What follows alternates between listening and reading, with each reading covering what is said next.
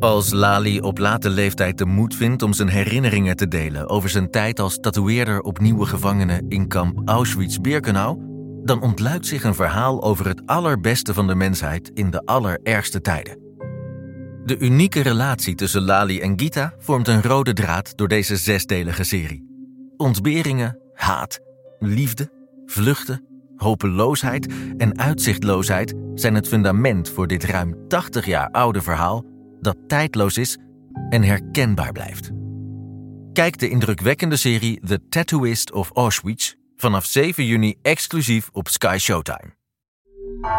Vanaf de redactie van NRC het verhaal van vandaag. Mijn naam is Floor Boon. Onze dagelijkse podcast NRC Vandaag bestaat vijf jaar. Elke werkdag praten we je in 20 minuten bij over het verhaal van de dag. En vanaf nu kun je ons ook in het weekend horen met iets nieuws. Elke zaterdag brengen we een extra bijzonder audioverhaal. Luister NRC Vandaag nu iedere dag in je favoriete podcast-app.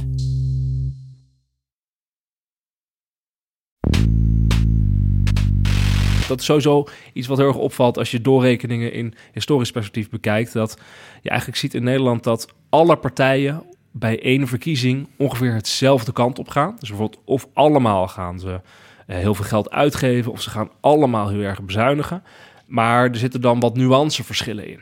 Maar eigenlijk is er in die zin best wel ik weet niet wat het goede woord is. Uh, consensus? Consensus, ja. Dat zo iemand zei wel eens, misschien moet je het woord tunnelvisie gebruiken. Maar oké, consensus klinkt beter. een soort consensus van we gaan uh, met z'n allen uh, die kant op. Nou, dat zie je nu weer heel duidelijk terug. Dus alle partijen zeggen eh, eigenlijk de overheid moet groter. En waar gaan we belasting vandaan halen? Nou, bij de bedrijven en bij de vermogenden. En ook de topinkomens wordt er nu ook vaak een, een hoger tarief gevraagd. Dit is Betrouwbare Bronnen met Jaap Jansen.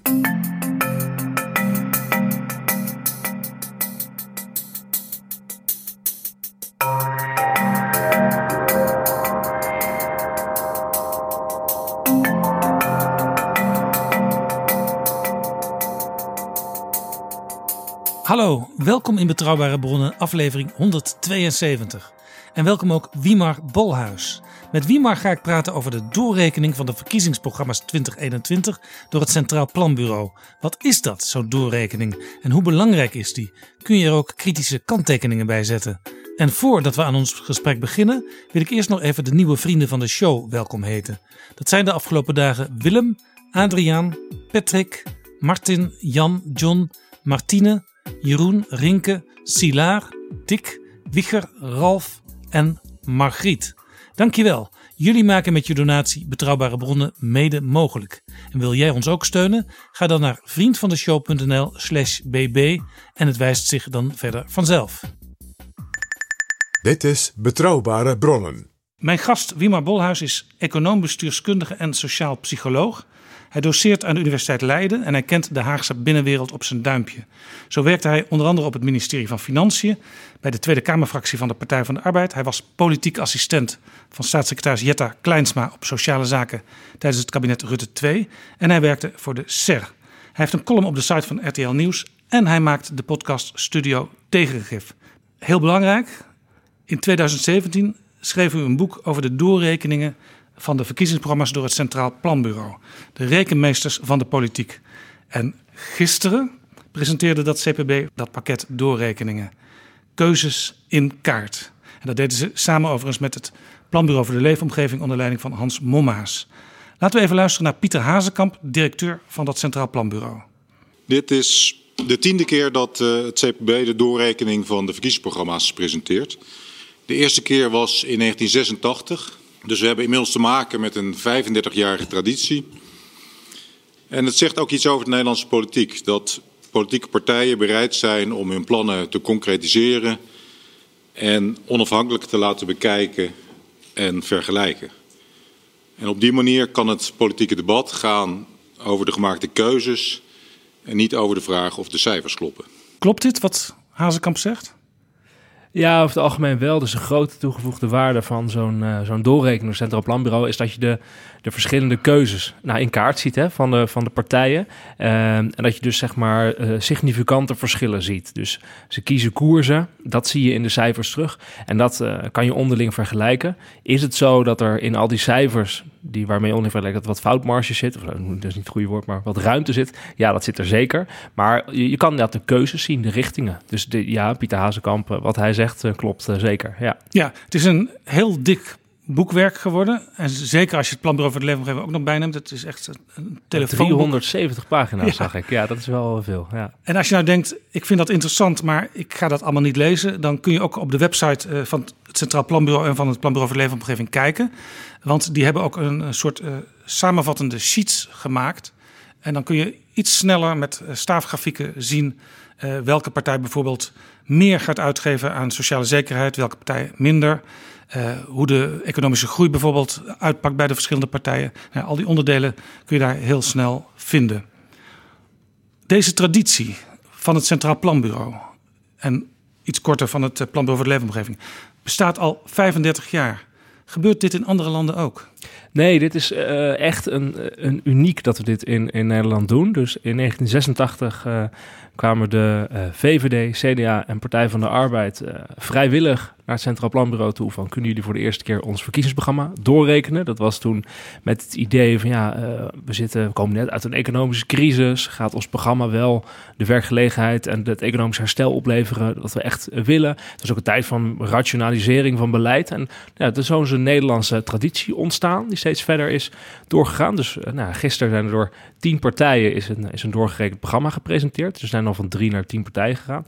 En in andere landen is die traditie er helemaal niet uh, op die manier. Het is zo dat, dat zelfs het CPB eigenlijk in die zin een exportproduct uh, heeft met keuzes in kaart met deze publicatie. Dus er wordt ook daadwerkelijk uh, in het buitenland worden presentaties gegeven. Ik heb zelf ook een keer aan de Belgen een presentatie moeten geven bijvoorbeeld. Je ziet dat wat er gebeurt is vooral sinds de vorige financiële crisis en ook de afgelopen jaren sinds de opkomst van wat populistische partijen, uh, Brexit natuurlijk geweest is, Johnson, Trump, um, zie je wel internationaal ook een discussie ontstaan van hey, uh, moeten wij ook iets hebben als een onafhankelijke rekenmeester die uh, programma's bekijkt, eigenlijk toetst of er geen fact-free politics plaatsvindt. met het idee dus bij de financiële crisis, hey, dat heeft ook te maken met regeringen en politieke partijen die te rooskleurige beelden vertelden. Dat bleek er toch een probleem te zijn met overheidsfinanciën. Dat is natuurlijk Griekenland is een goed voorbeeld. En dus de wat populistischere, grotere stromingen met het idee van ja, er worden nu toch wel uh, in ieder geval geen feiten verteld. Um, uh, en er is niemand die dat eigenlijk uh, doet. Dus je ziet nu bijvoorbeeld, nou België is een goed voorbeeld. In, in België is een aantal jaar terug is echt een wet aangenomen. Waarbij dus partijen die meedoen aan de verkiezingen zich laten doorrekenen door zeg maar, het Belgische Centraal Planbureau. Was dat nadat u daar op bezoek was geweest? Nee, de Belgen waren hier naar het Centraal Planbureau gekomen. Ja. en toen hebben we, heb ik daar samen met CPB'ers hebben we een presentatie gegeven.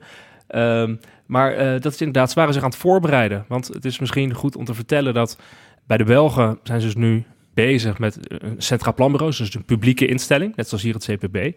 Maar bijvoorbeeld in uh, Engeland heb je een private instelling, het Institute for Fiscal Studies. Dat is privaat en doet het ook niet. Die rekent eigenlijk op eigen initiatief de programma's door van um, van de Labour en de Conservatives. Uh, en dat is dus, zijn dus allemaal verschillende instituties. Maar wat heel belangrijk is, is dat om dat goed te doen en dan ook uh, met betrouwbare uitkomsten te komen, dat zorgt dat je dus je reputatie goed is, uh, ja, moet je wel een ontwikkeling doormaken. Het CPB is gewoon, omdat ze al 35 jaar bezig zijn met doorrekenen, heel hoogwaardig. De berekeningen van het CPB, vooral de langetermijn berekeningen, nou, dat kunnen de Belgen nog niet bijvoorbeeld. Ja, in, Bel in België is het dus verplicht als je aan de verkiezingen meedoet om het te laten doorrekenen. Die wet is aangenomen. In die zin gaan ze verder dan in Nederland. Ja, ja, dus Nederland is nog steeds vrijwillig. Blijkbaar omdat we het hier zo belangrijk vinden. Uh, en er zijn eigenlijk steeds meer partijen die, die, die meedoen. Uh, dit is de eerste keer overigens nu gisteren dus dat er tien partijen meededen en de keer ervoor elf. Dus er is eentje minder geworden bij het doorrekening Centraal Planbureau. Maar in andere landen is het inderdaad uh, of dus een, nou, Engeland, het Instituut voor Fiscal Studies doet het uit eigen beweging. Dus vraagt in die zin ook geen goedkeuring van de, van de partijen. Hè? Dus die, die gaat zelf met de programma's aan de haal en maakt daar een berekening. En inderdaad, in België doen ze een, een wettelijke verplichting. Uh, dus ja, Nederland in die zin wel uh, echt uniek. Maar ze kijken wel allemaal naar het, het Centraal Planbureau, naar hoe we het in Nederland doen. Ja, we hoorden net Pieter Haaskamp zeggen... Uh, we hoeven het niet meer over de cijfertjes te hebben... maar over de keuzes die tot die cijfers leiden... Is dit ook belangrijk voor de kabinetsformatie? Want dan weet je al van de partijen die aan tafel eh, gaan zitten hoe hun doorrekeningen zijn. Ja, dus het is heel belangrijk. Hè? Dus ik heb uh, in mijn proefschrift, uh, wat na dat boek Rekenmeester van de Politiek kwam, heb ik bekeken van hoeveel partijen die aan de formatietafel kwamen te zitten, hadden eigenlijk een doorrekening van het Centraal Planbureau van een verkiezingsprogramma. En vanaf 1986 waren dat uh, eh, 32 van de 33 partijen. Dus alleen de LPF in 2002 had geen doorgerekend verkiezingsprogramma. Nee, die, kwam, ook, die kwam ook plotseling omhoog vallen. Dus die hadden niet eens tijd gehad waarschijnlijk om er überhaupt goed over na te denken. Nou, volgens mij, Pim Fortuyn wilde ook niet doorrekenen. Het was een hele bewuste keuze. Uh, uh, maar maar de, dit zal de, snelheid waar een partij opkomt. En je moet ook intern in je partij financiële mensen hebben die dit willen doen en willen doorrekenen. is ook gewoon heel technisch. Dus klopt, uh, een jonge partij heeft er altijd even wat, moet even, heeft over opstart uh, issues. Maar je ziet ehm, toch wel dat als je in politiek Den Haag als een betrouwbare partij of een serieuze potentiële regeringspartij gezien wil worden, ja, dan moet je eigenlijk meedoen met de CPB-doorrekening. Dus dat zie je ook, dat, dat steeds meer partijen die eigenlijk uh, jong zijn, maar een stap verder willen zetten, ja, die gaan meedoen met, uh, met de doorrekening. Leidt dat doorrekeningen idee er ook toe dat de verkiezingsprogramma's steeds dikker worden? Want heel veel programma's die op dit moment voor de kiezer liggen, die zijn richting de 200 pagina's. En ik denk dan, ja, dat moet misschien ook wel, anders kun je het niet doorrekenen. Uh, nou, daar is, is niet zo heel veel uh, relatie tussen. Wat je vooral ziet, uh, dat is wel opvallend, dat laten we zeggen in de jaren 1986, 89 waren de, de financieel-economische bijlagen van de verkiezingsprogramma's waren vooral groter en dikker. Dus laten we zeggen vier, vijf pagina's gemiddeld. En je ziet dat eigenlijk heel recent dat die financieel-economische bijlagen nou, één, twee pagina's zijn, dus, dus kleiner zijn geworden. Uh, en dat er ook steeds minder uh, heel duidelijk in staat: dit gaan we doen met de overheidsuitgaven en de belastingen. En dit willen we qua economische groei of koopkracht. Dus het wordt wat globaler gehouden. En pas daarna volgt dus de doorrekening van het verkiezingsprogramma. Dus de, het, het officieel vastgestelde verkiezingsprogramma, de tekst zeg maar. Uh, dat is echt wat anders dan wat vervolgens later doorgerekend gaat worden door het, door het Centraal Planbureau. Nou kloppen de meeste partijen zich op de borst. Wij zijn een democratische partij. Er hebben bij ons honderden, eh, zo niet duizenden mensen meegewerkt aan de totstandkoming van zo'n verkiezingsprogramma. Maar is het uh, democratisch gevaar dan niet als je dan ook nog naar het Centraal Planbureau moet, dat het dan toch weer bij een paar mensen in de top van de partij die toevallig heel veel van cijfertjes weten terechtkomt en dat die dan toch nog soms best wel stevige ingrepen op basis van wat er al door dat partijcongres is goedgekeurd nog gaan doen? Nou, wat je in ieder geval ziet is dat er wat kan gebeuren, is dat er in het, doorgerekende verkiezingsprogramma dat daar verschillen optreden ten opzichte van uh, het uh, verkiezingsprogramma was goedgekeurd door het congres, door de leden. Um, en aan de ene kant uh, moet dat ook, want het, het, het, echte verkiezingsprogramma is eigenlijk te, te globaal en te algemeen en ook niet, ja, niet specifiek genoeg van wat het precies wil om doorgerekend te worden. Dus het CPB heeft ook meer informatie nodig. Um, dat betekent ook dus dat er dingen heel concreet ineens kunnen worden in de doorrekening. Terwijl mensen dachten, hey, stond dat nou op die manier wel in het verkiezingsprogramma? Dat gebeurt wel eens. En wat je ziet is um, dat ook natuurlijk wel eens er geen dingen in een verkiezingsprogramma staan. uh, gewoon uh, dat, dat, hè, dat er iets nieuws in de doorrekening moet um, om bepaalde budgettaire of economische doelstellingen ja. te halen. En dan eens wordt het zichtbaar dat de partij dat wil. Dat zie je wel eens. En misschien ook om te kunnen vergelijken met andere partijen, bijvoorbeeld in die staafdiagramma.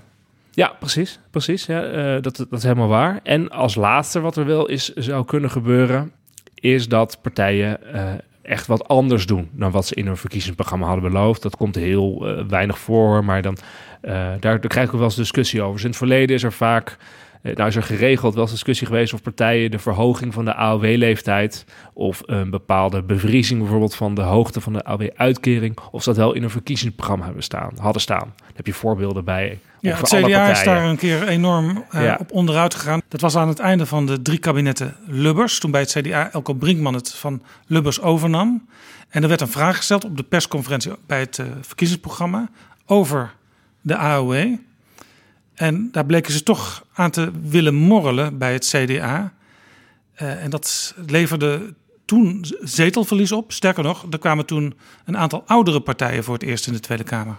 Ja, precies. Dus dat is, zo'n, dat is een duidelijk voorbeeld. Dat dus, um, kijk, omdat de AOW uh, zo'n groot onderwerp is, uh, zowel uh, maar ook gewoon qua hoeveelheid kiezers. Qua, doen partijen moeten er echt wel een keuze maken in een CPB-doorrekening. En inderdaad, CDA is een voorbeeld die dus een keer toch de uitkeringen bevroor. Maar eerder is dat ook wel eens uh, gebeurt met 50 plus. Was de vorige verkiezingen een hele interessante. Daar is discussie over ontstaan. Maar je ziet het ook bij de SP heeft een keer gehad met uh, uh, het inkomensafhankelijk maken van de AOW-uitkering. dat dat toch in het verkiezingsprogramma stond. Was maar ook de, de PvdA heeft dat een keer gehad. Dat er in het doorgegeven verkiezingsprogramma kwam te staan dat toch de AOW-leeftijd werd verhoogd. Dus ja, de AOW is een heel goed voorbeeld. Dus wat ik ook zie in mijn proefschrift en boek is eigenlijk dat het niet zozeer lijkt dat je dus met een doorrekening heel veel stemmen kan gaan winnen. Maar wel dat het een soort uh, betrouwbaarheid geeft als je hem hebt. Dus je, je, neerwaartse uh, electorale risico's kan je verkleinen. Hè? Je geeft een soort betrouwbaarheid. Um, maar als jij dus een, wat we noemen een inconsistentie hebt. Dus de media komt erachter of de andere partijen komen erachter. Dat in jouw doorgerekend verkiezingsprogramma bij het CPB echt wat anders staat dan dat je had beloofd in de campagne vooraf of in je normale verkiezingsprogramma stond, ja, dan, dan kan er wel echt een, een, een hele grote discussie komen met dus, ja, voorbeeld van Brinkman en 1994 CDA is een, is een goede dat je echt naar beneden gaat in de peilingen en ook uh, een probleem kan komen. Er wordt ook uh, een aantal maanden overlegd hè, tussen partijen en het Centraal Planbureau. Nou, omdat het dus zo een complexe berekening is, waaraan zoveel partijen meedoen, uh, en het ook zo gevoelig ligt wat er uitkomt, uh, is er inderdaad een hele procedure afgesproken. Dus uh, wat het CPB doet, die komt dan altijd met wat ze noemen een startnotitie. Die startnotitie van het CPB staat dan van, nou ja, dit zijn de voorwaarden waar, waarmee je bij ons kan meedoen. Zo komt het werkproces eruit te zien. Dus iedereen krijgt een contactpersoon, elke krijgt een contactpersoon bij het Centraal uh, planbureau. Op een bepaald moment moet je al je, je maatregelen ingeleverd hebben. Dan gaat het CPB er een keer naar kijken. Krijg je dat terug? Kan je in gesprek over de uitkomsten. En nou ja, even uh, kort geslagen, klein geslagen. Uh, aan het eind komt dan de definitieve doorrekening op tafel. En kan je ook nog zeggen als partij: wil ik hem publiceren of niet? Dus dat is misschien ook wel gewoon leuk om te weten. We hebben nu gezien dat tien partijen hun verkiezingsprogramma hebben laten doorrekenen door het CPB, want dat is gepubliceerd. Maar het kan ook zomaar zijn dat het de 11, 12 of meer waren. Um, maar die hebben dan geen goedkeuring gegeven om te laten publiceren. Uh, maar klopt, dus het, CPB moet dan inderdaad uh, komt met een proces aan werkafspraken. Ook om het voor zichzelf gewoon werkbaar te houden. Hè? Dus voor het CPB dit een, een hele belangrijke publicatie. Uh, is ook voorwerp voor het regeerakkoord. Moet inhoudelijk goed zijn. Dus zij hebben daar ook gewoon, ja, ze moeten daar werkafspraken voor maken met politieke partijen. Ja, en daar werken ongeveer 80 mensen, geloof ik, bij het CPB die zich hiermee bezighouden. Ja, zoiets, ja. U had het net al over de LPF en Pim Fortuyn. Laten we even luisteren hoe hij dacht over die doorrekeningen... waar zijn partij dus niet aan mee wilde doen. Hij is in debat hier met Ad Melkert van de Partij van de Arbeid. Het speelt zich allemaal af in 2002. Kijk, alle politieke partijen hebben zich toch een beetje kwetsbaar gemaakt door te laten zien hoe hun plannen in hun onderlinge samenhang uiteindelijk Nederland sterk of zwakker maken, economisch, financieel. Dat is toch wel erg belangrijk dat mensen dat ook weten. Hij laat zijn kaart op dat punt niet zien. Dat maakt het erg moeilijk om dus te zeggen van ja, nu zie ik iets waar ik iets mee kan. Meneer Fortuyn. Nou, twee punten. Ten eerste om die, uh, die doorrekeningen. Nou, daar geef ik niet zoveel om. Dat is uh, ja. de een. Ja, nou, laat, me nou, e- laat mij nou even uitpraten. Goed? Ja. De, de een is 0,1 groei, de ander 0,2 procent groei. Uh, min 0,2 bij GroenLinks. Maar dat valt allemaal. Ik, ben, ik heb ook nog statistiek gedaan. Dat valt allemaal binnen de foutenmarge. Dus dat zegt me zo weinig. Heeft Pim Fortuyn hier niet een klein beetje gelijk? Uh, nou ja, hij heeft gelijk dat er dat natuurlijk veel meer belangrijk is dan financiën en economie. Dus uh, je kan ook een programma hebben waar het niet gaat over financiën en economie. En dan is een doorgerekend verkiezingsprogramma in die zin minder van, uh, van waarde. Ja, dus... hij, hij, noemt specifiek economische groei. Als we even vanuit zijn jaar 2002 naar nu 2021 gaan, dan zie ik bijvoorbeeld bij de VVD is de economische groei 1,9 procent, bij het CDA 1,7, D66 1,9, GroenLinks 1,6. PvdA 1,9. Het zijn inderdaad allemaal resultaten Pim Fortuyn zou zeggen, binnen de foutenmarge. Nee, want kijk, dit is een, een groei. Uh, het CPB uh, berekent een groeicijfer gemiddeld per jaar in de komende kabinetsperiode. Dus laten we zeggen dat uh, ja, je hebt vier jaar wat een kabinet duurt. Het verschil tussen 1,7% groei en 1,9% groei is 0,2% groei. Als je dat vier jaar achter elkaar dat verschil hebt, zit je richting nou ja, 0,8, 1% punt BBP. En dat is alweer snel ongeveer 8 miljard euro. Dus dat, dat is, maakt echt wel uit voor, je, voor, je, voor je economie. of je 8 miljard meer aan BBP hebt of niet. En er hangt ook gewoon werkgelegenheid aan vast. En er hangt inkomen aan vast. In, inhoudelijk heeft hij gelijk dat er foutmarges zijn in de cijfers. Maar de verschillen tussen partijen, ook al zijn ze klein, als je dat een hele kabinetsperiode met elkaar optelt, dan ja, heeft het echt wel effecten voor, voor, voor mensen, voor de werkgelegenheid en voor de inkomens en koopkracht. Moet maar op. Ja. ja. Toch zijn er ook nog steeds mensen die zeggen: ja, wij, wij doen niet mee. Bijvoorbeeld Partij voor de Dieren doet niet mee. En een van de mensen die daar actief is, is Ewald Engelen. En die schreef onlangs in de Groene Amsterdammer. Het zijn allemaal volkomen illusorische cijfers over wat er in 2045 uitkomt. Hij noemt een jaartal ver in de toekomst. Er worden natuurlijk ook onderdelen. Uh, daar wordt verder gekeken dan uh, de komende kabinetsperiode. En hij zegt ook nog. Als de expert spreekt, zwijgt de demos. Hij vindt het dus eigenlijk helemaal niet democratisch wat er hier gebeurt.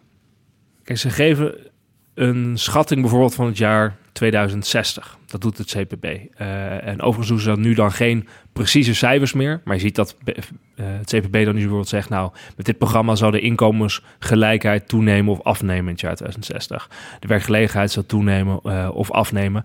Dus ze zijn al van de puntschattingen af. Ze zeggen van nou, er is een bepaalde marge... Um, maar je kan vooral, en dat is dus wat ook Hazekamp zei, je kan de keuzes vergelijken. Hè? Dus het is niet de, de precieze schatting van een cijfertje, het jaar 2060, maar wel van hé, hey, er zijn verschillende keuzes van partijen die op de lange termijn invloed hebben. Ja, en daar kan je over praten.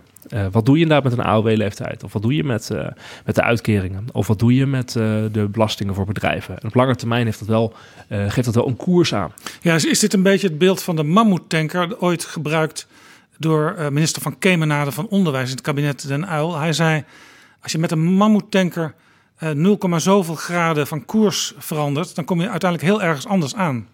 Ja, precies. Nou, dat is het voorbeeld net wat we hadden over die uh, economische groeicijfers. Uh, ja, um, 0,1 procentpunt economische groei is misschien in één jaar niet zoveel. Maar als je dat 100 jaar achter elkaar doet, maakt het heel veel uit. Uh, zo gaat het ook met koopkrachtcijfers. Uh, eerder heeft hier Wouter Koolmees in deze podcast gezegd van... Hey, de koopkrachtcijfers, daar kan ik niet zo heel veel mee. Ja, laten, We, laten we maar meteen even naar Wouter Koolmees luisteren de discussie verengt heel snel tot uh, 0,1% uh, voor die groep en 0,3% voor die groep.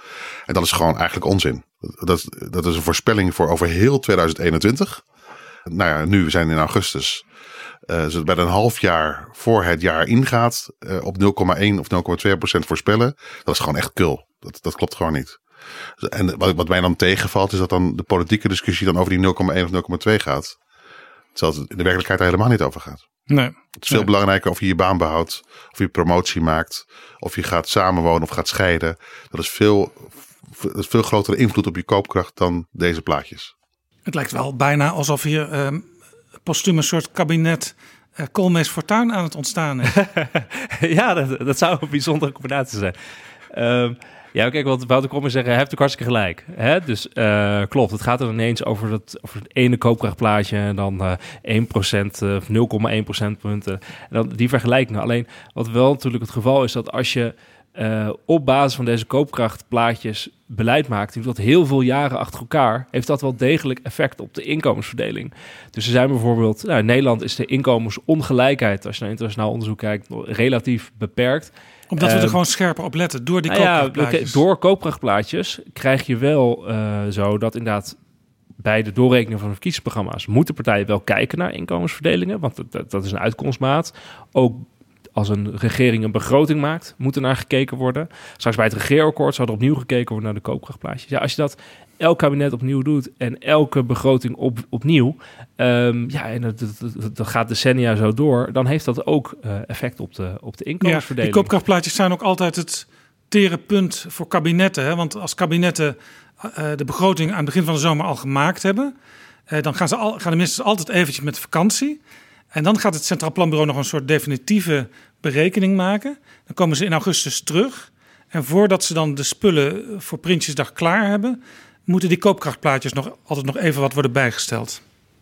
Ja, dat klopt. Dat klopt. Ehm, en dan zijn natuurlijk, hè, dus dan krijg je vervolgens, en dat is terecht, discussies over: oké, maar dan gaan we even uh, toeslagen richten op deze koopkrachtplaatjes en belastingkortingen richten op deze koopkrachtplaatjes. Uh, dat is natuurlijk allemaal waar. Het is ook waar dat het eigenlijk hè, het belangrijkste voor die koopkrachtontwikkeling is inderdaad of je je baan bij behoudt, promotie maakt, wat gebeurt er.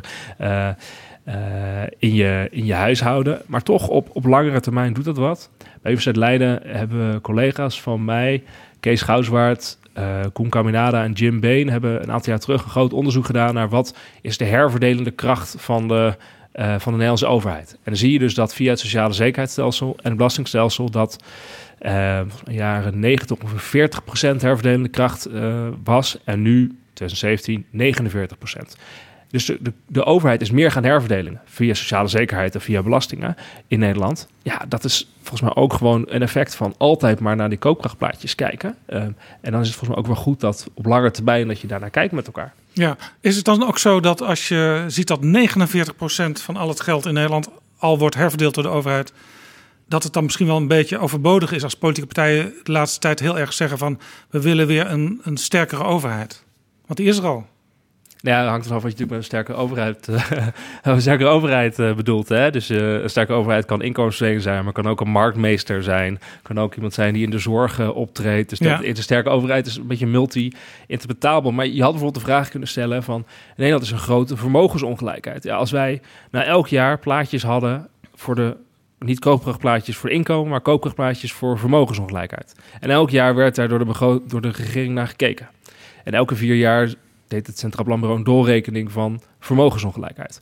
Ja, dan had dat misschien op langere termijn ook uitgemaakt voor de politieke beslissingen. Ja. Om de vermogensongelijkheid terug te dringen of te vergroten. Omdat ja, je er rekening want, want het ook, ook uh, deze week uh, focust het Centraal Planbureau weer heel erg op de, de inkomensongelijkheid. Ja. Daar is ook een, een, een, model voor gemaakt, wat bij de vorige kabinetsformatie voor het eerst ook echt uh, gebruikt is. Dat heet de, de Gini-coëfficiënt. Ja. Maar de vermogens in Nederland, die dus waar dus grote verschillen zijn, dat, dat, dat weten we wel. Uh, daar wordt dus niet aan detail naar gekeken. Nee, niet in die zin. Nee, nee. Dus uh, wat ik bijvoorbeeld uh, in mijn in het proefschrift, in mijn proefschrift kwam ik erachter dat ehm, bij het regeerakkoord zie je eigenlijk dat, ehm, dat de coalitiepartijen eigenlijk meer herverdelen nog op die inkomensplaatjes, op die koopkrachtplaatjes. Dus de hoogste inkomens krijgen er minder bij dan beloofd. Moeten meer inleveren dan beloofd. Juist de laagste inkomens, bijstandsrechten, die krijgen juist meer dan de partijen hadden beloofd in de, in de verkiezingsprogramma's. Eh, dus je ziet juist dat inderdaad partijen, als ze er met de formatie bezig zijn en een regeerakkoord maken, dat ze dus heel erg letten op, ja, uh, hebben we nog, uh, doen we aan, aan herverdeling? Uh, zorgen we dat de inkomensverdeling gelijkmatiger wordt? En dat komt echt omdat je er een, een rekensom van maakt. Ja, en dat staat eigenlijk los van de samenstelling van die kabinetten. Ja, het staat los van de samenstelling van de kabinetten. Ik, ik vind dat... ik vind in mijn onderzoek dat als je kijkt vanaf het eerste moment dat de koopkrachtplaatjes komen en je gaat dat jaren vergelijken, je kijkt wat beloofde partijen in hun doorgerekende verkiezingsprogramma's en je telt dat op. En je kijkt vervolgens wat gebeurt er in het regeerakkoord later door die partijen die hebben onderhandeld. Dan doen ze nog meer aan herverdeling dan dat ze beloofd hadden in individuele programma's. Nou ja, dat is ook volgens mij uh, een, een positief effect dan als je voor, her, voor herverdeling bent hoor, uh, van, de, van de koopkrachtplaatjes. Politici moeten naar kijken en moeten de beslissing overnemen. En het ook het openbaar willen verdedigen daarna. Hè. Dat is natuurlijk ook het voordeel van het, het, het, goede van deze doorrekeningen van de verkiezingsprogramma's. Elke partij die meedoet, wil zijn programma in het openbaar doorgerekend uh, laten zien. Met dus ook alle zwakke punten. Ja, dat was overigens uh, uh, nu maandag iets merkwaardigs. Want na de persconferentie van die twee planbureaus konden de partijen ook in Nieuwsport een reactie geven en, en vragen beantwoorden.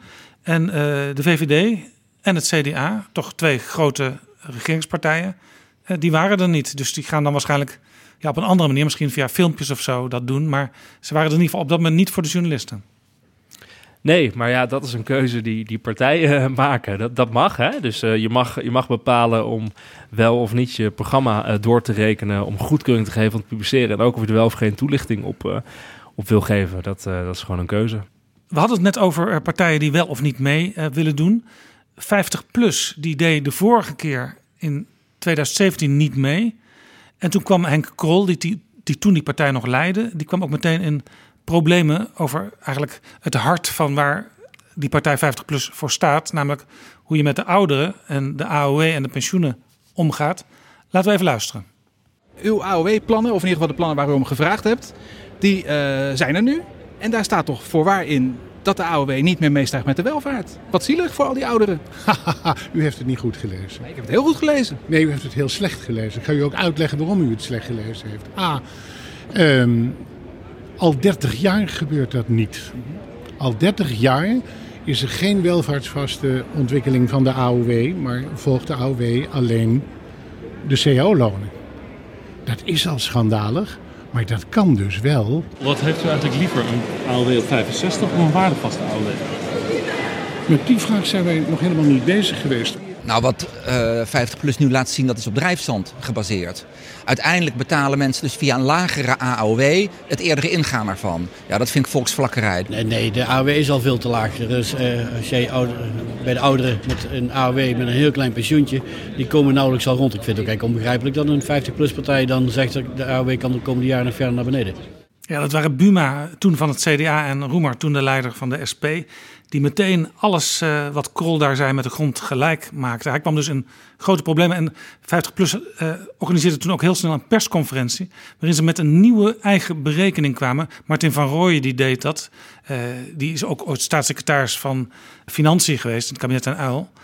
dus die weet wel van cijfertjes. Maar dit kan dus ook gebeuren. Je doet niet mee en er wordt meteen getwijfeld aan je verkiezingsprogramma. Ja, dat is wat ik net probeerde te zeggen. Dat op het moment door, je programma laten doorrekenen door het Centraal Planbureau... Uh, is niet meteen dat je heel veel stemmen mee haalt... maar je zorgt wel dat je een bepaald uh, bewijs van geloofwaardigheid hebt. Hè? Dus in dit geval ging het over discussie... als je de AOW-leeftijd weer naar 65 zou zetten... hoeveel kost dat dan? Nou, het Centraal Planbureau zei dat kost ongeveer 10 tot 12 miljard uh, euro per jaar, dus structureel.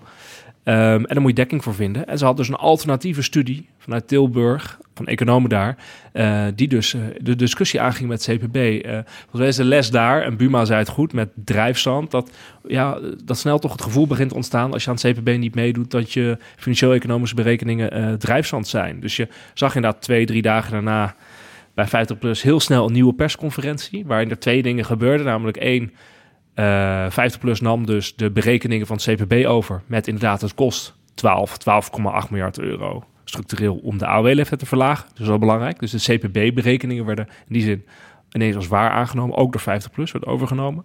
En uh, vervolgens dekte 50 plus uh, uh, die 12,6 miljard ook met berekeningen, eh, zoals je het ook bij de doorrekening van het CPB doet. Dus met berekeningen van het ministerie van Financiën en de Rekenkamer. En eigenlijk alles wat, wat het CPB eh, ook zou doen. Dus ja, daarmee probeerde uh, 50 plus de, de, de, geloofwaardigheid terug te krijgen. Dus nou, de reden, ja, het 50 plus doet nu mee dit jaar met de doorrekening van het, van, van, van het CPB. Nou, ik denk dat dat zeker te maken heeft met tussen aanhalingstekens het, uh, het, trauma van 2017 uh, eh, bij uh, Krol, Martin van Rooyen en Nagel. Ja, dat ja. is gewoon geleerd.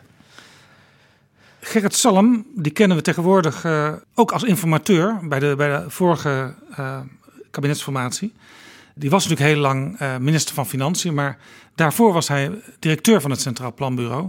En die zei in 1993: het CPB bepaalt het speelveld. Worden dan de verschillen tussen de opties voor beleid niet te klein?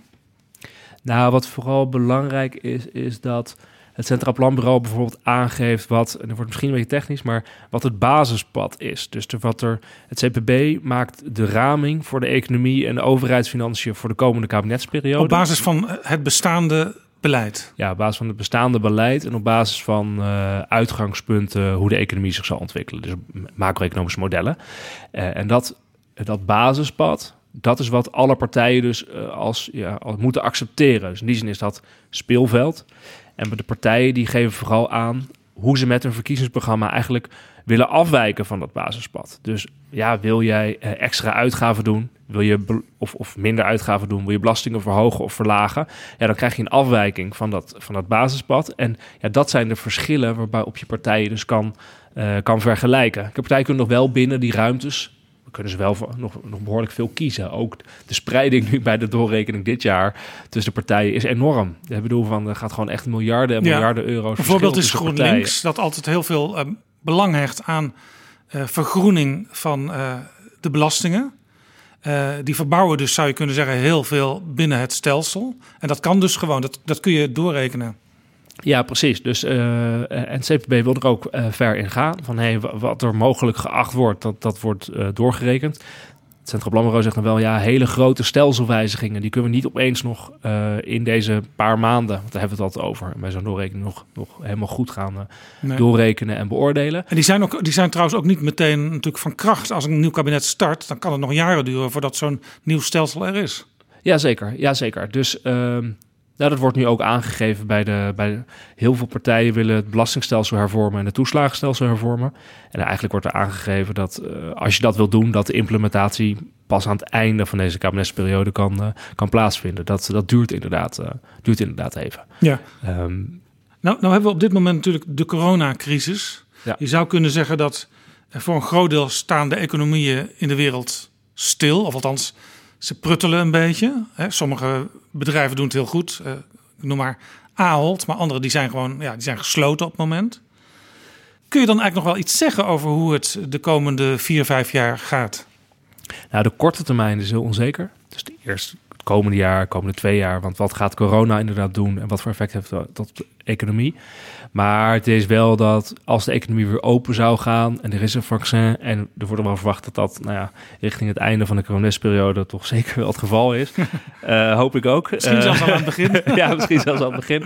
Uh, er wordt toch wel verwacht dat dat uh, die raming, een beetje meer structurele raming, einde van de kabinetsperiode, dat is, dat is behoorlijk zeker.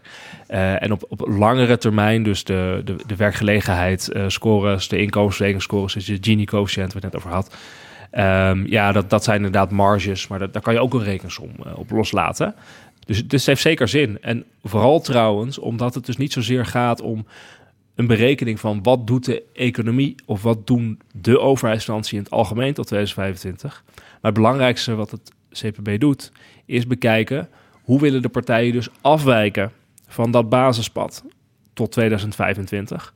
En die afwijkingen zijn, ja, zijn toch wel redelijk beperkt. beperkt hè. Het is een beleid waarmee je een uh, paar honderd miljoen verschuift of een, uh, of een, een, paar miljard. Maar daar kan je wel een, een redelijk betrouwbare rekensom op, uh, op, toe, op loslaten. Dat is eigenlijk in die zin geen langetermijn raming of iets dergelijks. Dus dat is, nee. dat is eigenlijk, eigenlijk is het, heel veel mensen die vinden dat lastig te begrijpen, maar de, de, het is vooral de raming van de economie. Dus dat basispad, de middellange termijnverkenning. Daar zitten behoorlijk wat onzekerheden in. Maar de afwijkingen van het basispad, dus eigenlijk je verkiezingsprogramma, die berekeningen zijn eigenlijk wel redelijk uh, zeker. En juist om die afwijkingen, daar gaat het om. Daar ja.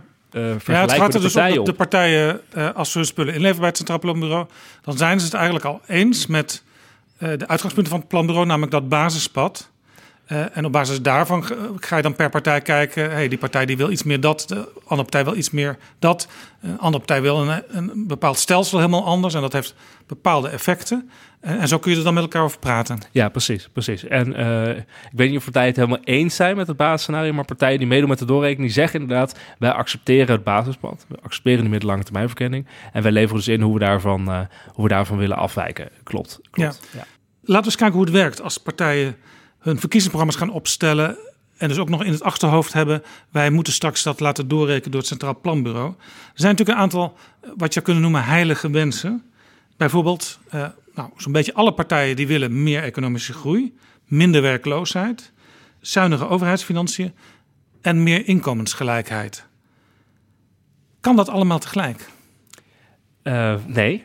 Kijk, economen zeggen dan dat er uh, afruilen zijn, of uitruilen, we afruilen noemen, tussen verschillende economische doelen. Dus uh, uh, je kan niet alle doelen tegelijkertijd behalen. Dus een heel klassiek voorbeeld is inderdaad van op het moment dat je wil dat er op langere termijn meer economische groei of werkgelegenheid is, dan is bijvoorbeeld een hele bekende strategie is om te zorgen dat mensen eerder aan het werk willen gaan. Hoe kan je dat doen? Nou, onder andere door bijvoorbeeld te zeggen: het verschil tussen uitkering en loon moet groter worden. Want dan gaan mensen eerder zoeken om aan het werk te gaan. Dan kan je dus de uitkeringen zou je kunnen verlagen of je zou het lonen kunnen verhogen op zijn inkomen. Als je dat doet. Dit is ook waarom partijen als um, VVD en CDA uh, vaak hebben gezegd...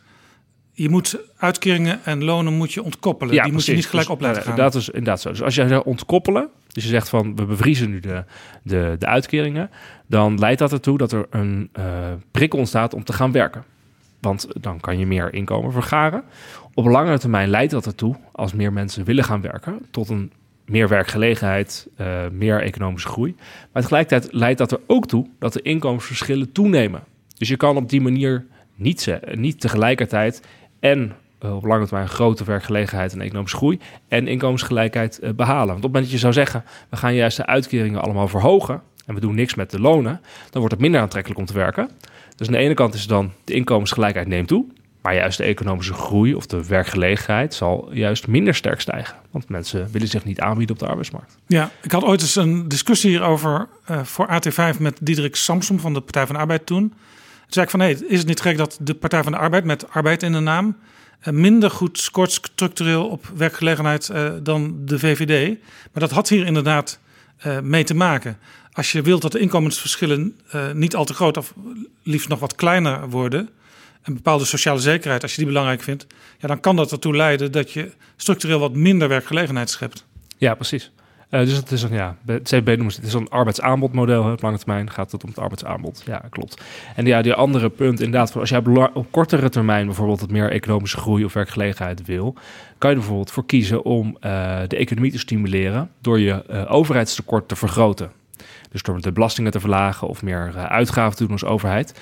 Dat is dan op kortere termijn of middellange termijn, dat zie je nu ook in al de doorgerekende verkiezingsprogramma's, is dat goed voor je economische groei.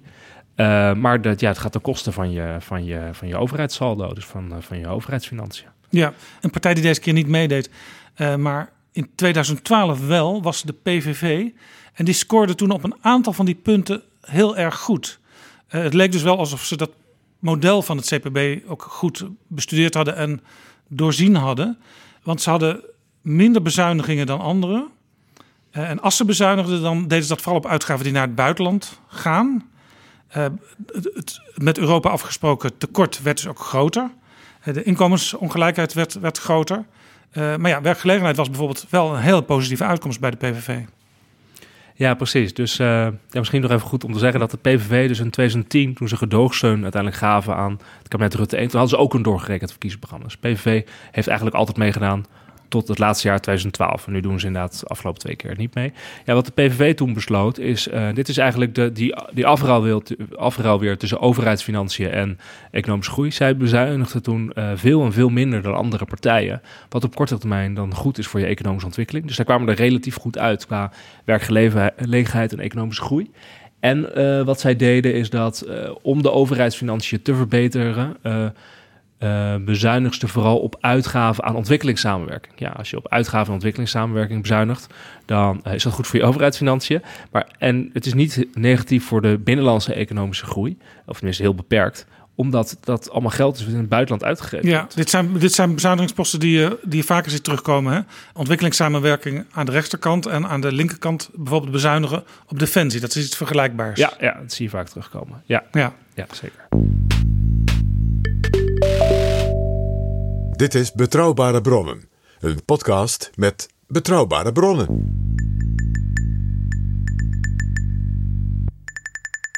Zullen we eens kijken naar de kick, zoals die in de wandelgangen genoemd wordt, uh, van deze keer. Keuzes in kaart 2021. Wat valt u deze keer op?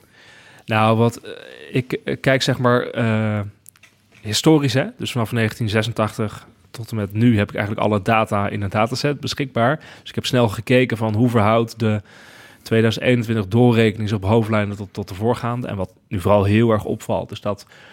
U, hebt dus, u hebt dus nog veel meer uh, grafieken en modellen dan het Centraal Planbureau zelf al in de stukken aanlevert. Ja, ja, dus ik doe een historische vergelijking. Uh, en dat doet het CPB niet. Want CPB wil geen jaar op jaar uh, uitspraken doen. Of uh, zeggen van partijen doen het nu meer of minder goed. Of dan, dat willen ze niet. Dus ik geef alleen 2021. Maar ik kan dan een reeks maken. En wat je dan vooral ziet is dat blijkbaar nu in de coronacrisis... en dus het hele idee van er moet weer een sterke overheid komen... daar zie je dus wel dat nu dat partijen... Um, behoorlijk wat extra uitgaven doen.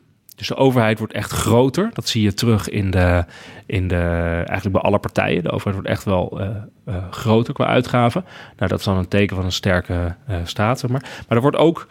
Um, er wordt ook heel veel extra inkomsten binnengehaald. Dus er is ook een zware belastingkant. En wat je daar vooral ziet is vooral dat... Vooral belasting op bedrijven. Ja, de belasting op bedrijven gaat in die zin uh, echt fors, fors omhoog. Veel forser dan de voorgaande keren. Dus je ziet dat partijen... Misschien is het ook een beetje de, de Piketty-trend uh, die we nu zien... dat de belastingen op vermogen nemen eigenlijk bij nou, vooral trouwens GroenLinks, PvdA, D66, ChristenUnie. Maar ook CDA verhoogt ook de belasting op vermogen bijvoorbeeld. Die zie je echt toenemen. En je ziet inderdaad, belastingen voor bedrijven worden fors verhoogd. Wat er ook mee te maken kan hebben dat een soort idee is van...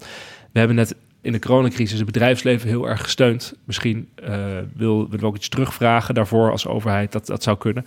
Maar dat, dat is wel heel duidelijk, dat verschil. Dus ja, echt. Dat is ook een totaal ander beeld eigenlijk dan wat je zag in de kabinetsformatie, waar uh, de VVD op het laatste moment nog uh, de afschaffing van de dividendbelasting had ingeboekt. Dat is uiteindelijk niet doorgegaan. Ja. Maar toen was het dus eigenlijk een hele andere richting. Ja, dus het algemene beeld dat, uh, dat zeg maar bedrijfsleven in die zin er minder goed op staat. En dat uh, politici denken wij kunnen een hogere uh, belasting aan bedrijfsleven vragen. En aan de vermogenden. Dat, dat, zie, je heel, dat zie je heel duidelijk terug. Dus winst wordt inderdaad meer, meer belast. en dat is echt, echt heel fors als je het in historisch perspectief bekijkt. Um, dus ja, ik ben benieuwd wat er mee gaat gebeuren in de kabinetsformatie. Maar het is wel het is bijzonder om te zien dat het toch wel nou, op een of andere manier alle partijen uh, in de greep houdt. Dat is sowieso iets wat heel erg opvalt als je doorrekeningen in historisch perspectief bekijkt. Dat je eigenlijk ziet in Nederland dat alle partijen bij één verkiezing ongeveer hetzelfde kant op gaan. Dus bijvoorbeeld of allemaal gaan ze uh, heel veel geld uitgeven of ze gaan allemaal heel erg bezuinigen. Maar er zitten dan wat nuanceverschillen in. Maar eigenlijk is er in die zin best wel ik weet niet wat het goede woord is. Uh, consensus? Consensus, ja. Dat zo iemand zei wel eens, misschien moet je het woord tunnelvisie gebruiken. Maar oké, okay, consensus klinkt beter. een soort consensus van we gaan uh, met z'n allen uh, die kant op. Nou, dat zie je nu weer heel duidelijk terug. Dus alle partijen zeggen eigenlijk de overheid moet groter. En waar gaan we belasting vandaan halen? Nou, bij de bedrijven en bij de vermogenden. En bij ook de topinkomens wordt er nu ook vaak een, een hoger tarief gevraagd. Ja, het is dus, er is dus geen zwart-wit situatie als je... Uh, ook niet als je als kiezer nu de keuze gaat maken tussen de partijen die we meestal aan het roer zien zitten. Ze verschillen wel iets, maar in de basis kunnen ze er ook samen uitkomen. Dat is natuurlijk, heeft ook te maken met het Nederlandse systeem dat je altijd met twee, drie, vier partijen samen moet regeren. Nou ja, dat is natuurlijk het. Kijk, als je uh, als politieke partij aan de gang gaat met zo'n doorrekening, uh, kan je, als je een beetje politisch strategisch denkt, kan je natuurlijk bedenken van ik wil iets uit de doorrekening laten komen wat heel erg onderscheidend is en waarmee ik me echt afzet tegen andere partijen en waarom mensen op mij willen stemmen. Je kan ook nadenken van ja, ik wil juist uh, me niet al te radicaal of uh, opstellen in zo'n doorrekening, want ik wil uh, formeren. Ik wil straks eruit kunnen komen aan ja, de minst radicale in heel veel opzichten is in al deze grafieken, viel mij op, de SGP. Daar zie je soms geen enkele afwijking van het basispad. Ja, nee, dat is vaak. De SGP is natuurlijk nu zo niet echt een ra radicale partij. Ze willen wel de, de overheidsuitgaven volgens mij iets verlagen. Daar zitten ze een beetje gelijk uh, met, uh, met de VVD. Maar wat, mij bijvoorbeeld heel erg opviel is uh, de belasting op milieu. Dus je ziet traditioneel dat milieuvervuiling, dat er hele hoge belastingen worden gevraagd. Natuurlijk vooral door GroenLinks. Hè? En dat, dat, dat dan altijd gebeurt, dan hele hoge belastingen erbij op milieuvervuiling. En dan lasterverlichting op arbeid om werken aantrekkelijker te maken, goedkoper te maken en meer werkgelegenheid te creëren. Ja, dat leidt dus tot, tot, tot, tot, wat ik net noemde, die enorme verbouwing van de systemen. Ja, ja, ja dus precies. Dus GroenLinks heeft altijd niet een heel grote uh, verandering van belastingstelsel, met hele zware milieubelastingen en dan heel veel lasterverlichtingen. Maar daar zie je bij GroenLinks nu dat echt veel minder dan uh, voorheen. Dus je ziet dat hun uh, extra lastenverzwaringen op milieu, die zijn heel erg beperkt vergeleken met eer voorgaande jaren. En de lasterverlichting op arbeid valt ook in die zin wel mee. Dat valt sowieso op in deze hele uh, doorrekening. Dat de lasterverlichtingen op arbeid uh, niet uh, heel erg radicaal er uitspringen. Of de lasterverlichtingen voor huishoudens. Wat er dus vooral uitspringt is de hele hoge extra belastingen voor bedrijven en op vermogen en winst. Ja, die collectieve lastenuitgaven die stijgen dus ook in historisch perspectief enorm. Zou je kunnen zeggen, ja, toen, werd er, toen waren er nog geen CPB-doorrekeningen, maar dat voor omstandigheden zijn ook iets anders. Maar dat we terug zijn in de jaren 70? Dat vind ik een hele lastige uh, uitspraak. Uh, Zou Den we... zich thuis voelen bij deze cijfers? Nou, dat, eh, ja, nou dat, denk ik, eh, dat denk ik in die zin wel, ja. Wat je vooral in ieder geval terugziet, is dus dat je in een periode zit met hele, hele lage rente. Dus het eh, geld lenen is in die zin eh, gewoon heel eh, goedkoop voor de Nederlandse staat. Daar gaan partijen ook mee aan de haal. En je dat is ook de reden dat dat Wopke Wiebesfonds is ontstaan. Ja. Je kunt als overheid eh, gratis geld krijgen en dat kun je investeren. Ja, eh, nou ja, investeren is inderdaad het volgende. Je ziet dat partijen echt eh, willen investeren. Dus de uitgaven van de overheid nemen echt eh fors toe. En daarbij dus een eh, soort algemeen, eh algemene tendens of gevoel dat dus grote bedrijven, vermogende mensen en hoge inkomens toch wat extra's moeten gaan bijdragen eh, deze keer. Eh, wat je, dat zie je trouwens vaak na grote eh crisissituaties. Eh, dus ook na grote oorlogen. Hè. Er zijn heel veel mensen die zeggen dat de coronapandemie qua schok eigenlijk alleen maar te ver- vergelijken is met, met, met een grote oorlog. Nou, dan zijn crisisheffingen daarna ook wel te begrijpen. Ja, als je terug. de tabel ziet van de collectieve lasten, dan, dan zie je ehm, de Partij van de Arbeid en de SP en eh, GroenLinks het meest uitspringen in, ja, in dus de dat is duidelijk links-rechts. Dus je ziet heel duidelijk de, de links-rechts-verdeling. Maar wat me dan terug. opvalt is dat D66, die een beetje tussen links en rechts in zit als het om, om economie en financiën gaat, eh, dat die zelfs de collectieve lasten eh, verminderen. Samen met de VVD eigenlijk als enige. Hoe kan dat dan? Want D66 wil ook wel structureel een aantal dingen echt veranderen in de samenleving. Ja, het heeft ermee te maken dat eh, D66 het belastingstelsel hervormt. Dus het toeslagenstelsel wordt er afgeschaft. Toeslagen worden bij het CPB geboekt onder de sociale zekerheidsuitgaven. Ehm, en die sociale zekerheid, die toeslagen worden dus afgeschaft. Dus dat is dan een bezuiniging op sociale zekerheid. Eh, maar vervolgens kan je het omzetten dus in een behoorlijke lastenverlichting. En dat zie je in dit eh, eh, plaatje hier terug. Ja, dus de overheid hoeft eigenlijk geen geld meer rond te pompen, zou je po- populair kunnen zeggen. Ja. Ehm, en daardoor wordt het niet ingeboekt bij sociale zekerheid. Ja, nou, als het goed is, ik denk dat je ook wel erg sociale zekerheid hebt liggen. Zeker. Maar ik ga ervan uit dat dan bij D66 bij sociale zekerheid je nou eens een min ziet. Klopt, die Eh, min ja, zelfs nog gelukkig. groter dan eh, bij de collectieve lasten in het algemeen. Ja, precies. Nou, dat is precies wat je Daar is ziet. deze, Dus- dat is een heel, hele opmerkelijke grafiek. Bij sociale zekerheid eh, gaan alle partijen meer uitgeven. Ook de VVD en het CDA, maar D66 als enige minder. Ja, dus je zegt eh, toeslagen, dat, dat doen we niet meer. En we gaan vanaf nu eh, eh, lagere belastingen en verzilverbare heffingskortingen. Dus via de belastingkant ga je krijgen. En dat is dus een lastenverlichting en- die je dan ziet. En Maar- als ik dat aan Koolmees zou vragen, dan zou hij waarschijnlijk zeggen dat dit niet minder sociaal is dan wat de andere partijen willen. Ja, precies. Ja, en op hoofdlijnen zal dat sowieso kloppen, ja. ja. Dat is zeker waar. En overigens zegt dus, je, je liet het zien, de eh, lasten, de collectieve lasten voor, eh, van D66 gaan naar beneden.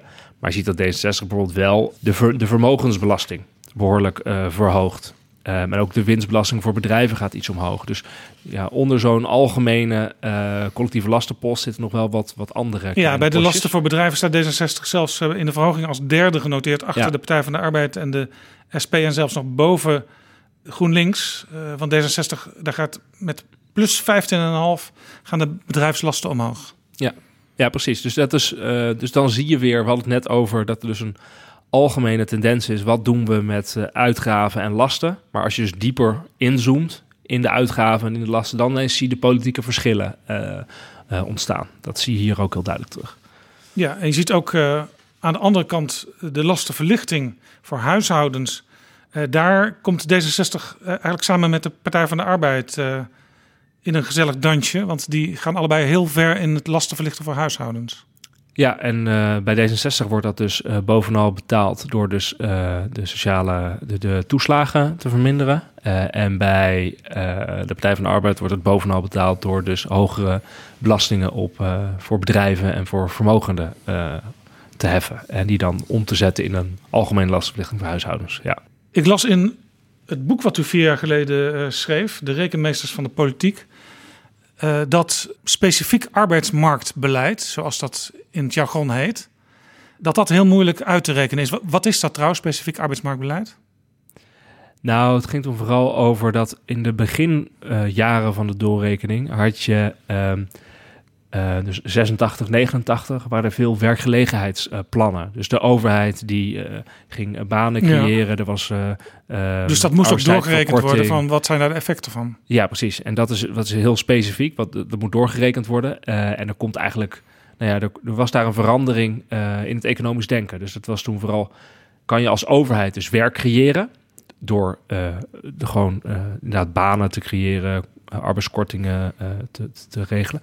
En nu zie je vooral terug dat de partijen dus vooral via het arbeidsaanbod gaan. Overigens zie je in deze doorrekeningen, dat is wel interessant, er wel veel discussies weer terug over basisbanen en banen bij de overheid.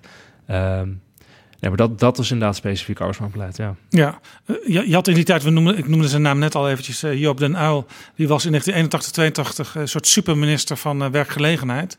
En die had ook banenplannen. En andere partijen die toen aan het kabinet uh, deelnamen, dat waren CDA en D66. En die ergerden zich heel erg aan al dat gerekend de hele tijd van Den Uil van uh, het zou 100.000 of 200.000 of 300.000 extra banen opleveren. Maar eigenlijk heeft dus in de loop van de geschiedenis die daarna volgde het Centraal Planbureau gezegd, ja, dat kun je eigenlijk zo allemaal niet berekenen.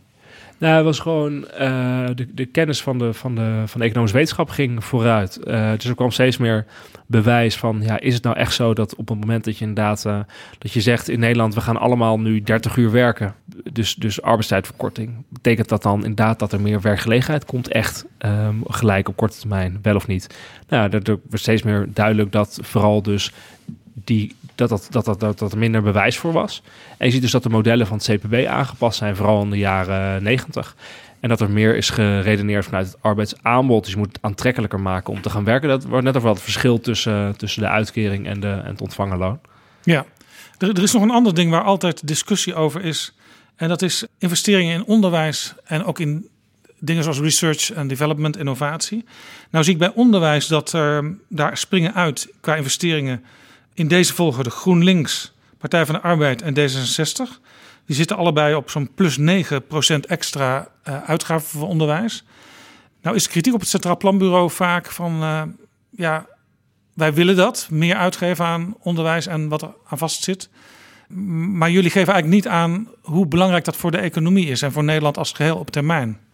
Ja, klopt. Dus de kritiek is, op het moment dat je extra onderwijsuitgaven doet dan leidt dat op korte termijn wel tot nou, extra besteding van de overheid en daarmee werkgelegenheid. Want er moeten leraren aangenomen worden, eh, eh, onderzoekers aangenomen en dergelijke.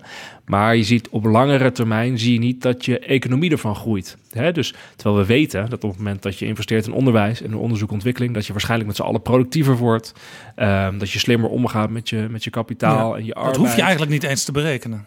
Je weet het gewoon. We weten het. alleen het komt niet in de modellen terug. Dus het is niet zo dat ze dan in het jaar 2060, dat deze partijen dan een veel hogere economische groei zien. Dus in die zin worden ze dan niet voor beloond. Dat is de, de kritiek. Uh, overigens uh, was het bij de presentatie uh, van Keuzes en Kaart gisteren ook heel duidelijk dat de directeur Pieter Hazekamp dus er ook daar ook bewust van is. En ook dat aangeeft van ja, dit is gewoon een verschil tussen wat we weten dat er gaat gebeuren qua economische kennis en wat er in het model zit. Uh, maar ik denk wel dat het. Dus dit jaar is het wel zo vaak, die discussie is zo vaak teruggekomen. Dat ik wel denk dat CPB die modellen de komende jaren gaat proberen aan te passen. Ja, ik hoorde Hazekamp dat ook zeggen. En trouwens, uh, Hans Mommaas die zei er ook iets over. Toen ging het over het begrip breed, breed welzijn. Uh, dat zit er natuurlijk ook aangekoppeld. Dat ze wel inmiddels met de wetenschap zo ver gekomen zijn dat ze mogelijkheden zien om het model wel iets aan te passen. Zodat dat toch beter erbij kan, uh, kan worden berekend. Ja, dus ik ga ervan uit dat het Centraal Planbureau dat inderdaad de komende twee jaar gaat doen. En dus op, met de wetenschap aan de slag gaat van uh, uh, hoe kan je inderdaad op langere termijn met economische groei beloond worden als je in onderwijs en onderzoek en ontwikkeling investeert. Bij het Centraal Planbureau zijn ze nu op zoek naar een nieuwe programmaleider macro-economie. Ik denk dat die persoon heel hard aan de slag mag met uh, dit in de modellen verwerken. Uh, want bij de volgende verkiezingen, bij de volgende doorrekening, zal deze discussie weer opkomen. dus luisteraars van Betrouwbare Bronnen, als jullie het belangrijk vinden dat dingen als onderwijs en het breed welzijnsbegrip beter in de modellen terugkomen in de toekomst, solliciteer nu bij het Centraal Planbureau. En misschien ook bij het Planbureau voor de Leefomgeving. Want daar hebben ze mensen voor nodig die, die daar ideeën over hebben. En die zo slim zijn dat ze dat in het model kunnen verwerken. Ja, dat klopt. Dat klopt. Dat klopt helemaal. Dit is Betrouwbare Bronnen. Laten we even luisteren naar Pieter Omtzigt. Dat is een econometrist. Die weet dus heel veel van cijfers en modellen. Maar toch heeft hij een kanttekening. Of het nu dus gaat over belastingen, klimaat- of milieumaatregelen inkomenspolitiek of zelfs coronamaatregelen. We maken modellen. En daar is in beginsel helemaal niets mis mee. Maar deze modellen bepalen in toenemende mate het beleid. En daar is wel iets mis mee. Want modellen beschrijven de werkelijkheid, maar de werkelijkheid is buitengewoon complex. En per definitie niet volledig in een model te vangen. En op het moment dat we dit vergeten, gaat het mis. Ik geloof dat de coalitie van Wout Koolmees en Pim Fortuyn moet worden uitgebreid nu met Pieter Omtzigt. Uh, en hij kan het weten, hè, want hij is een cijferman. Ja, maar hij heeft natuurlijk helemaal gelijk. Hè? Dus de, de modellen zijn sowieso natuurlijk een, uh, een, enorme versimpeling van de werkelijkheid. Dus een hulpmiddel. Een, uh, en zo moeten ze ook ingezet worden. En als je daarmee bezig bent, is het handig om ook bewust te zijn van de, van de nadelen, van de zwakheden van zo'n model. Het probleem is dat blijkbaar de mensen die beslissingen nemen, dat niet altijd zijn. Overigens ook politici. Hè? Ik bedoel van, het zijn ook vaak politici die aan de hand van de modellen uiteindelijk besluiten... laten we deze of deze beleidsoptie uh, kiezen. Uh, kijk, en het, probleem is alleen dat Pieter Omzicht heeft hij helemaal gelijk. Alleen de vraag is natuurlijk wel, wat is het alternatief? Is het nu dat hij eigenlijk voorstelt dat we zonder modellen moeten gaan werken? Dat, dat lijkt me geen gewenste situatie. Want je wilt volgens mij wel uh, in ieder geval een idee hebben waar, uh, waar beleid toe gaat leiden op de, op de, in de verre toekomst. En daar een onderbouwd, een beetje gerationaliseerd beslissingen nemen. Dus voor mij zit er veel meer op. En dat is, denk ik, heeft hij gelijk in. De modellen moeten verbeterd worden. Waar mogelijk. Uh, en je moet weten wat de, wat de zwakheden van een model zijn. En daar rekening mee houden. Hij heeft natuurlijk helemaal, gewoon helemaal gelijk. Ja, hij schreef onlangs een, een, een artikel. Een lang artikel. En daar gaf hij een voorbeeld aan. Dat had te maken met het, het belastingstelsel. En hij noemde eigenlijk twee mensen die uh, buren van elkaar zijn. Die hetzelfde werk doen op dezelfde school. Waren ze docent. Uh, maar ze hadden toch hele andere uitkomsten onder de streep. En dat had te maken met hun fiscale positie. De, de andere was alleenverdiener voor een heel gezin. En, en, bij de andere was tweeverdiener. En nou ja, voor christelijke partijen was dit in het verleden ook wel eens een reden om misschien maar niet dingen bij het CPB te laten doorrekenen. Want zij zeiden ja, wij vinden dat onrechtvaardig dat er zulke grote verschillen komen terwijl mensen hetzelfde werk doen. Ja, nou ja, maar dit is eigenlijk waar we het net over hadden. Dus op de korte termijn zeg je, wij willen dat het profijtelijker wordt om te werken. Dus inderdaad, je zegt twee verdieners krijgen dan een belastingkorting. Dat zie je ook de afgelopen jaren de hele tijd gebeuren in de CPB-doorrekeningen. Twee verdieners krijgen een belastingkorting, waardoor ze dus gaan werken. Maar ja, dan zijn één verdieners waar dat niet gebeurt, die komen er in inkomensverhouding, komen die er slechter uit. Kijk, als je dat dus heel veel doorrekeningen achter elkaar doet, ziet het er in die ene doorrekening wel oké uit, die verschillen tussen die twee groepen. Maar als je dat dus jaren achter elkaar doet, krijg je hele grote inkomensverschillen tussen huishoudenstypes. Uh, en die lopen dan uh, uit de hand. Daar wordt het CPB dan ook voor gewaarschuwd. En terecht dat uh, Pieter Omzicht, en ook de ChristenUnie doet dat trouwens, die zeggen van ja, het is nu wel uit de hand gelopen. Ja, dus wat daar is gebeurd, is dat eigenlijk je keuzes maakt op basis van CPB-modellen, maar dat de echte afrel niet, is, niet zichtbaar werd. Namelijk te grote uh, verschillen in belastingdruk tussen een uh, en een tweeverdienersgezin. Uh, dat is daar fout gegaan. daar komen we dan nu achter. Dat is eigenlijk dan een, een blinde vlek geweest. Er is nog een ander interessant ding. Dat zag ik bij het Planbureau voor de Leefomgeving.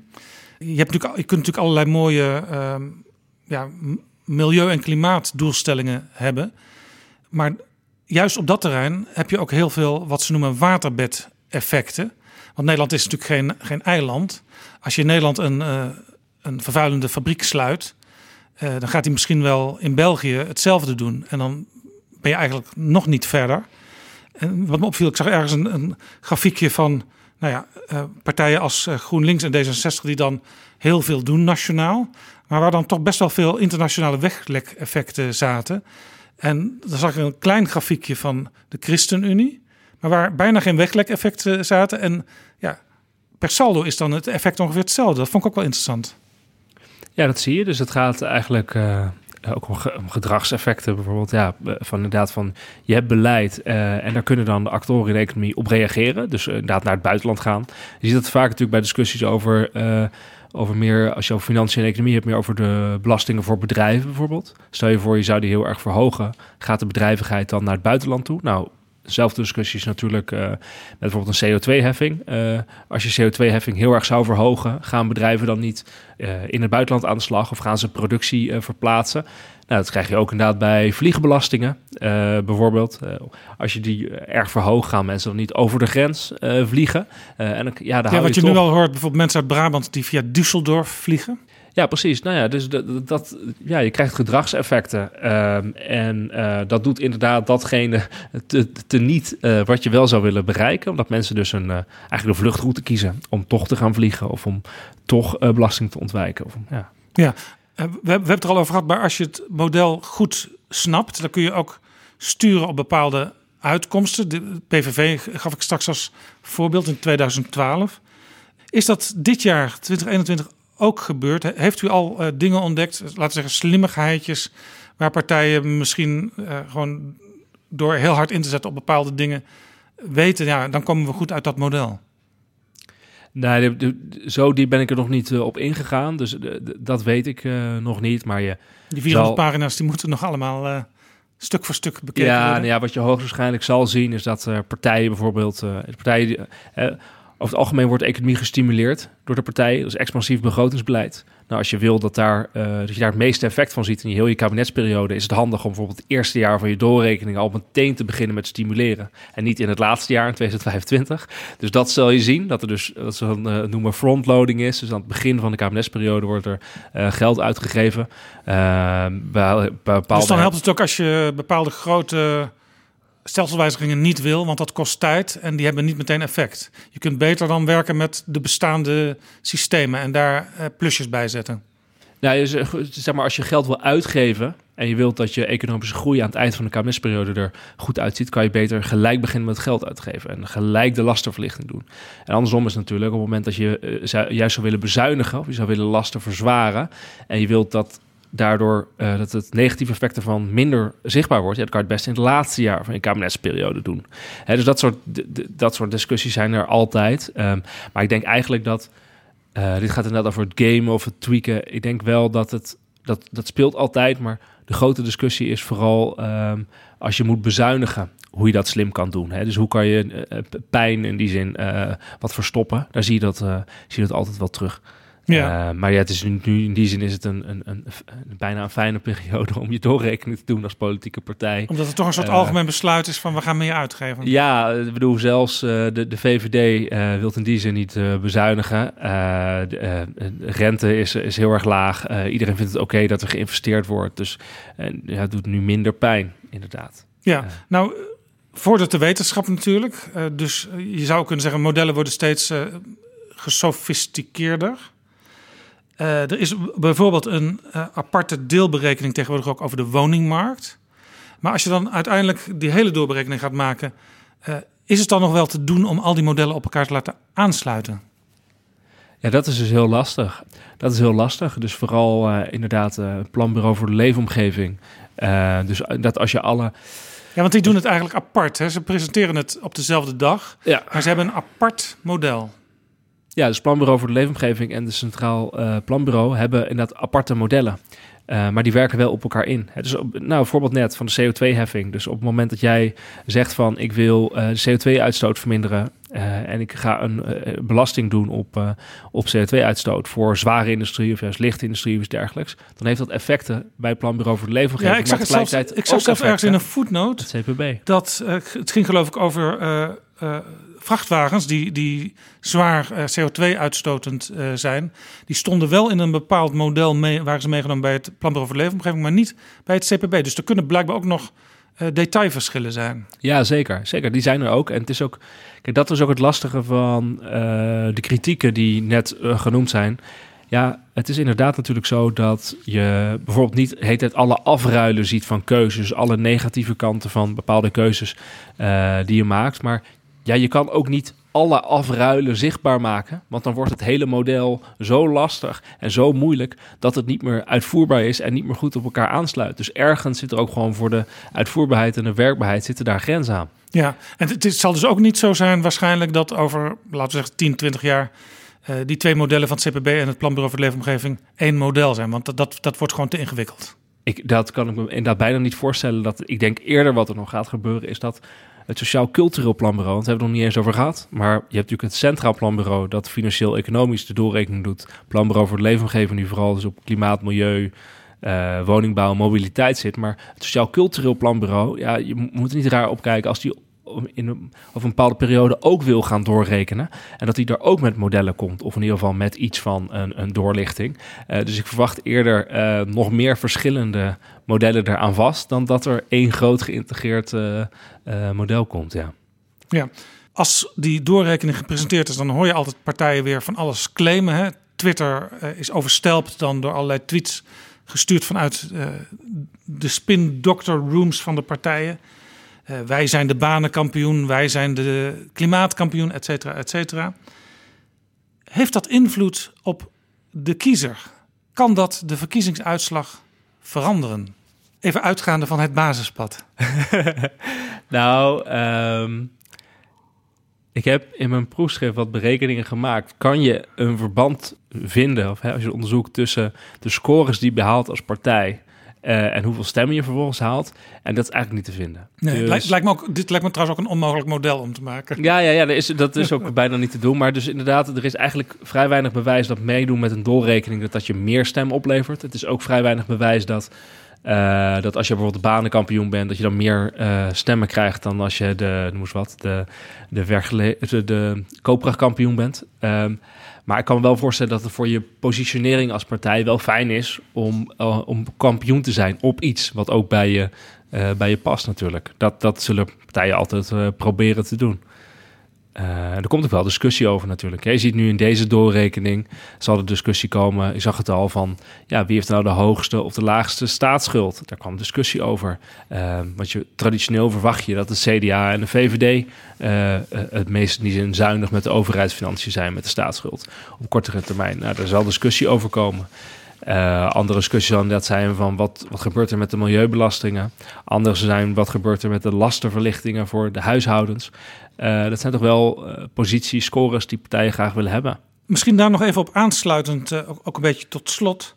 we zagen afgelopen week ook al discussie tussen de lijsttrekker van de VVD en die van het CDA over bezuinigingen in de nabije toekomst. er wordt dus breed op dit moment gezegd, ja, we, we gaan eigenlijk niet, voorlopig niet bezuinigen. We moeten eerst maar eens uit die coronacrisis. Pieter Hazekamp van het Centraal Planbureau die zei ook... Uh, we zitten in Nederland nog altijd goed als het gaat over de ontwikkeling van de staatsschuld. Want pas als die over de 80 uh, procent gaat... ja, dan moeten we ons echt zorgen maken. En daar zit eigenlijk geen enkele partij die, die zit in die richting. Wat denkt u met al uw expertise? Gaat er in de komende kabinetsperiode, laten we uitgaan van vier jaar, gaat er uiteindelijk ook bezuinigd worden? Of, of, horen we dat verhaal de komende jaren niet? Ik denk dat uh, zolang we inderdaad onder de 75% blijven zitten, dat dat verhaal inderdaad niet echt, niet echt horen. Wel nu even in een verkiezingsdebat tussen de twee mannen die hoog in de peilingen staan. Of het, het hoogst volgens mij bijna. Nou, Rutte en Hoekstra liggen even bij elkaar. Maar ik denk niet dat dat eh, terug gaat komen de komende jaren. Nee, zie je ook niet in de programma's terug. Hè? Dus het wordt niet echt bezuinigd. De programma's laten vooral zien waar je met de samenleving of met de economie heen wil. En je ziet daar dus heel duidelijk verschillen tussen nou ja, belastingen, uh, uitgaven. Uh, tussen, tussen wie geeft dan onderwijsgeld uit, wie aan defensie. Zie ik heel duidelijk verschil tussen wat linkse en rechtse partijen. Dus dat is het grote, het grote voordeel van deze doorrekeningen. En ja, bezuinigen, nee. Ik ben, ik ben blij dat we na de vorige crisis hebben geleerd dat het uh, onverstandig is om je vooral te richten op op bezuinigingen uh, als je in een uh, economische crisis zit. Dat is wel goed dat we die, dat we die les uh, hebben geleerd, moet ik eerlijk zeggen. Ja, nog even over de kabinetsformatie.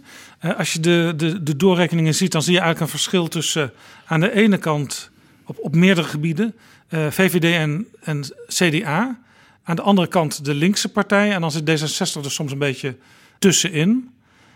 Maar dit betekent dat het waarschijnlijk toch ook weer niet een heel makkelijke kabinetsformatie wordt.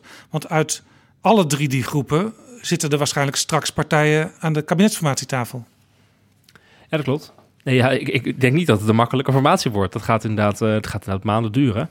Uh, dus, dus ze zullen moeten onderhandelen. Kijk, en uh, op basis van mijn proefschrift onderzoek kan ik dan zeggen... nou, wat er hoogstwaarschijnlijk gaat gebeuren... is dat de, de lastenverzwaringen voor bedrijfsleven, dat die niet in de mate gaan voorkomen als dat de partijen nu beloven.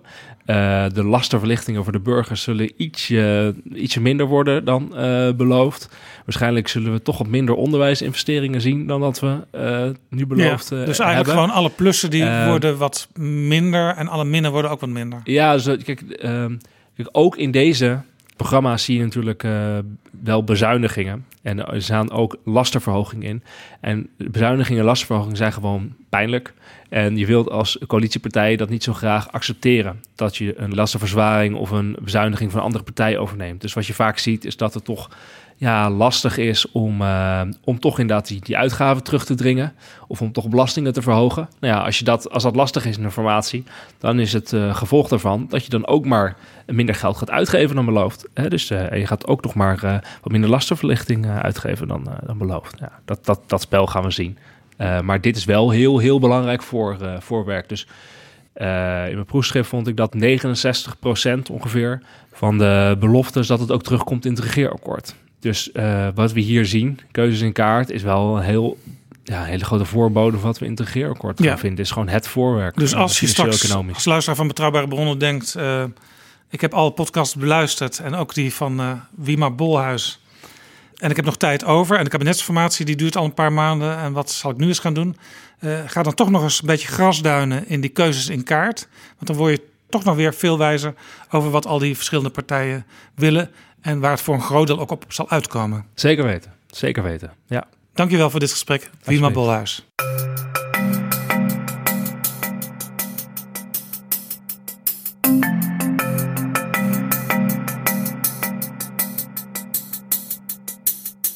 Zo, dit was Betrouwbare Bronnen aflevering 172. Deze aflevering werd mede mogelijk gemaakt door de vrienden van de show, onder wie Thijs, die een berichtje insprak naar aanleiding van de vorige aflevering, waarin PG aan het slot een stukje opera liet horen. Dag Jaap en PG. Wat is het toch fijn om naar jullie anekdotes, verhalen en insights te luisteren. Geschiedenis, politicologie en opera. Het is een fantastische combinatie. Dank ook voor de verwijzing naar de sopraan Nelly Mirichoyu. Ik heb direct haar CD live at het Concertgebouw met opnames uit de Vara Matinee besteld. En mijn vrouw heeft tot diep in de nacht naar haar zitten luisteren. Alle reden om ook dit jaar weer een donatie te doen. Keep up the good work. Dankjewel Thijs en tot volgende keer. Betrouwbare bronnen wordt gemaakt door Jaap Jansen in samenwerking met dag en nacht.nl.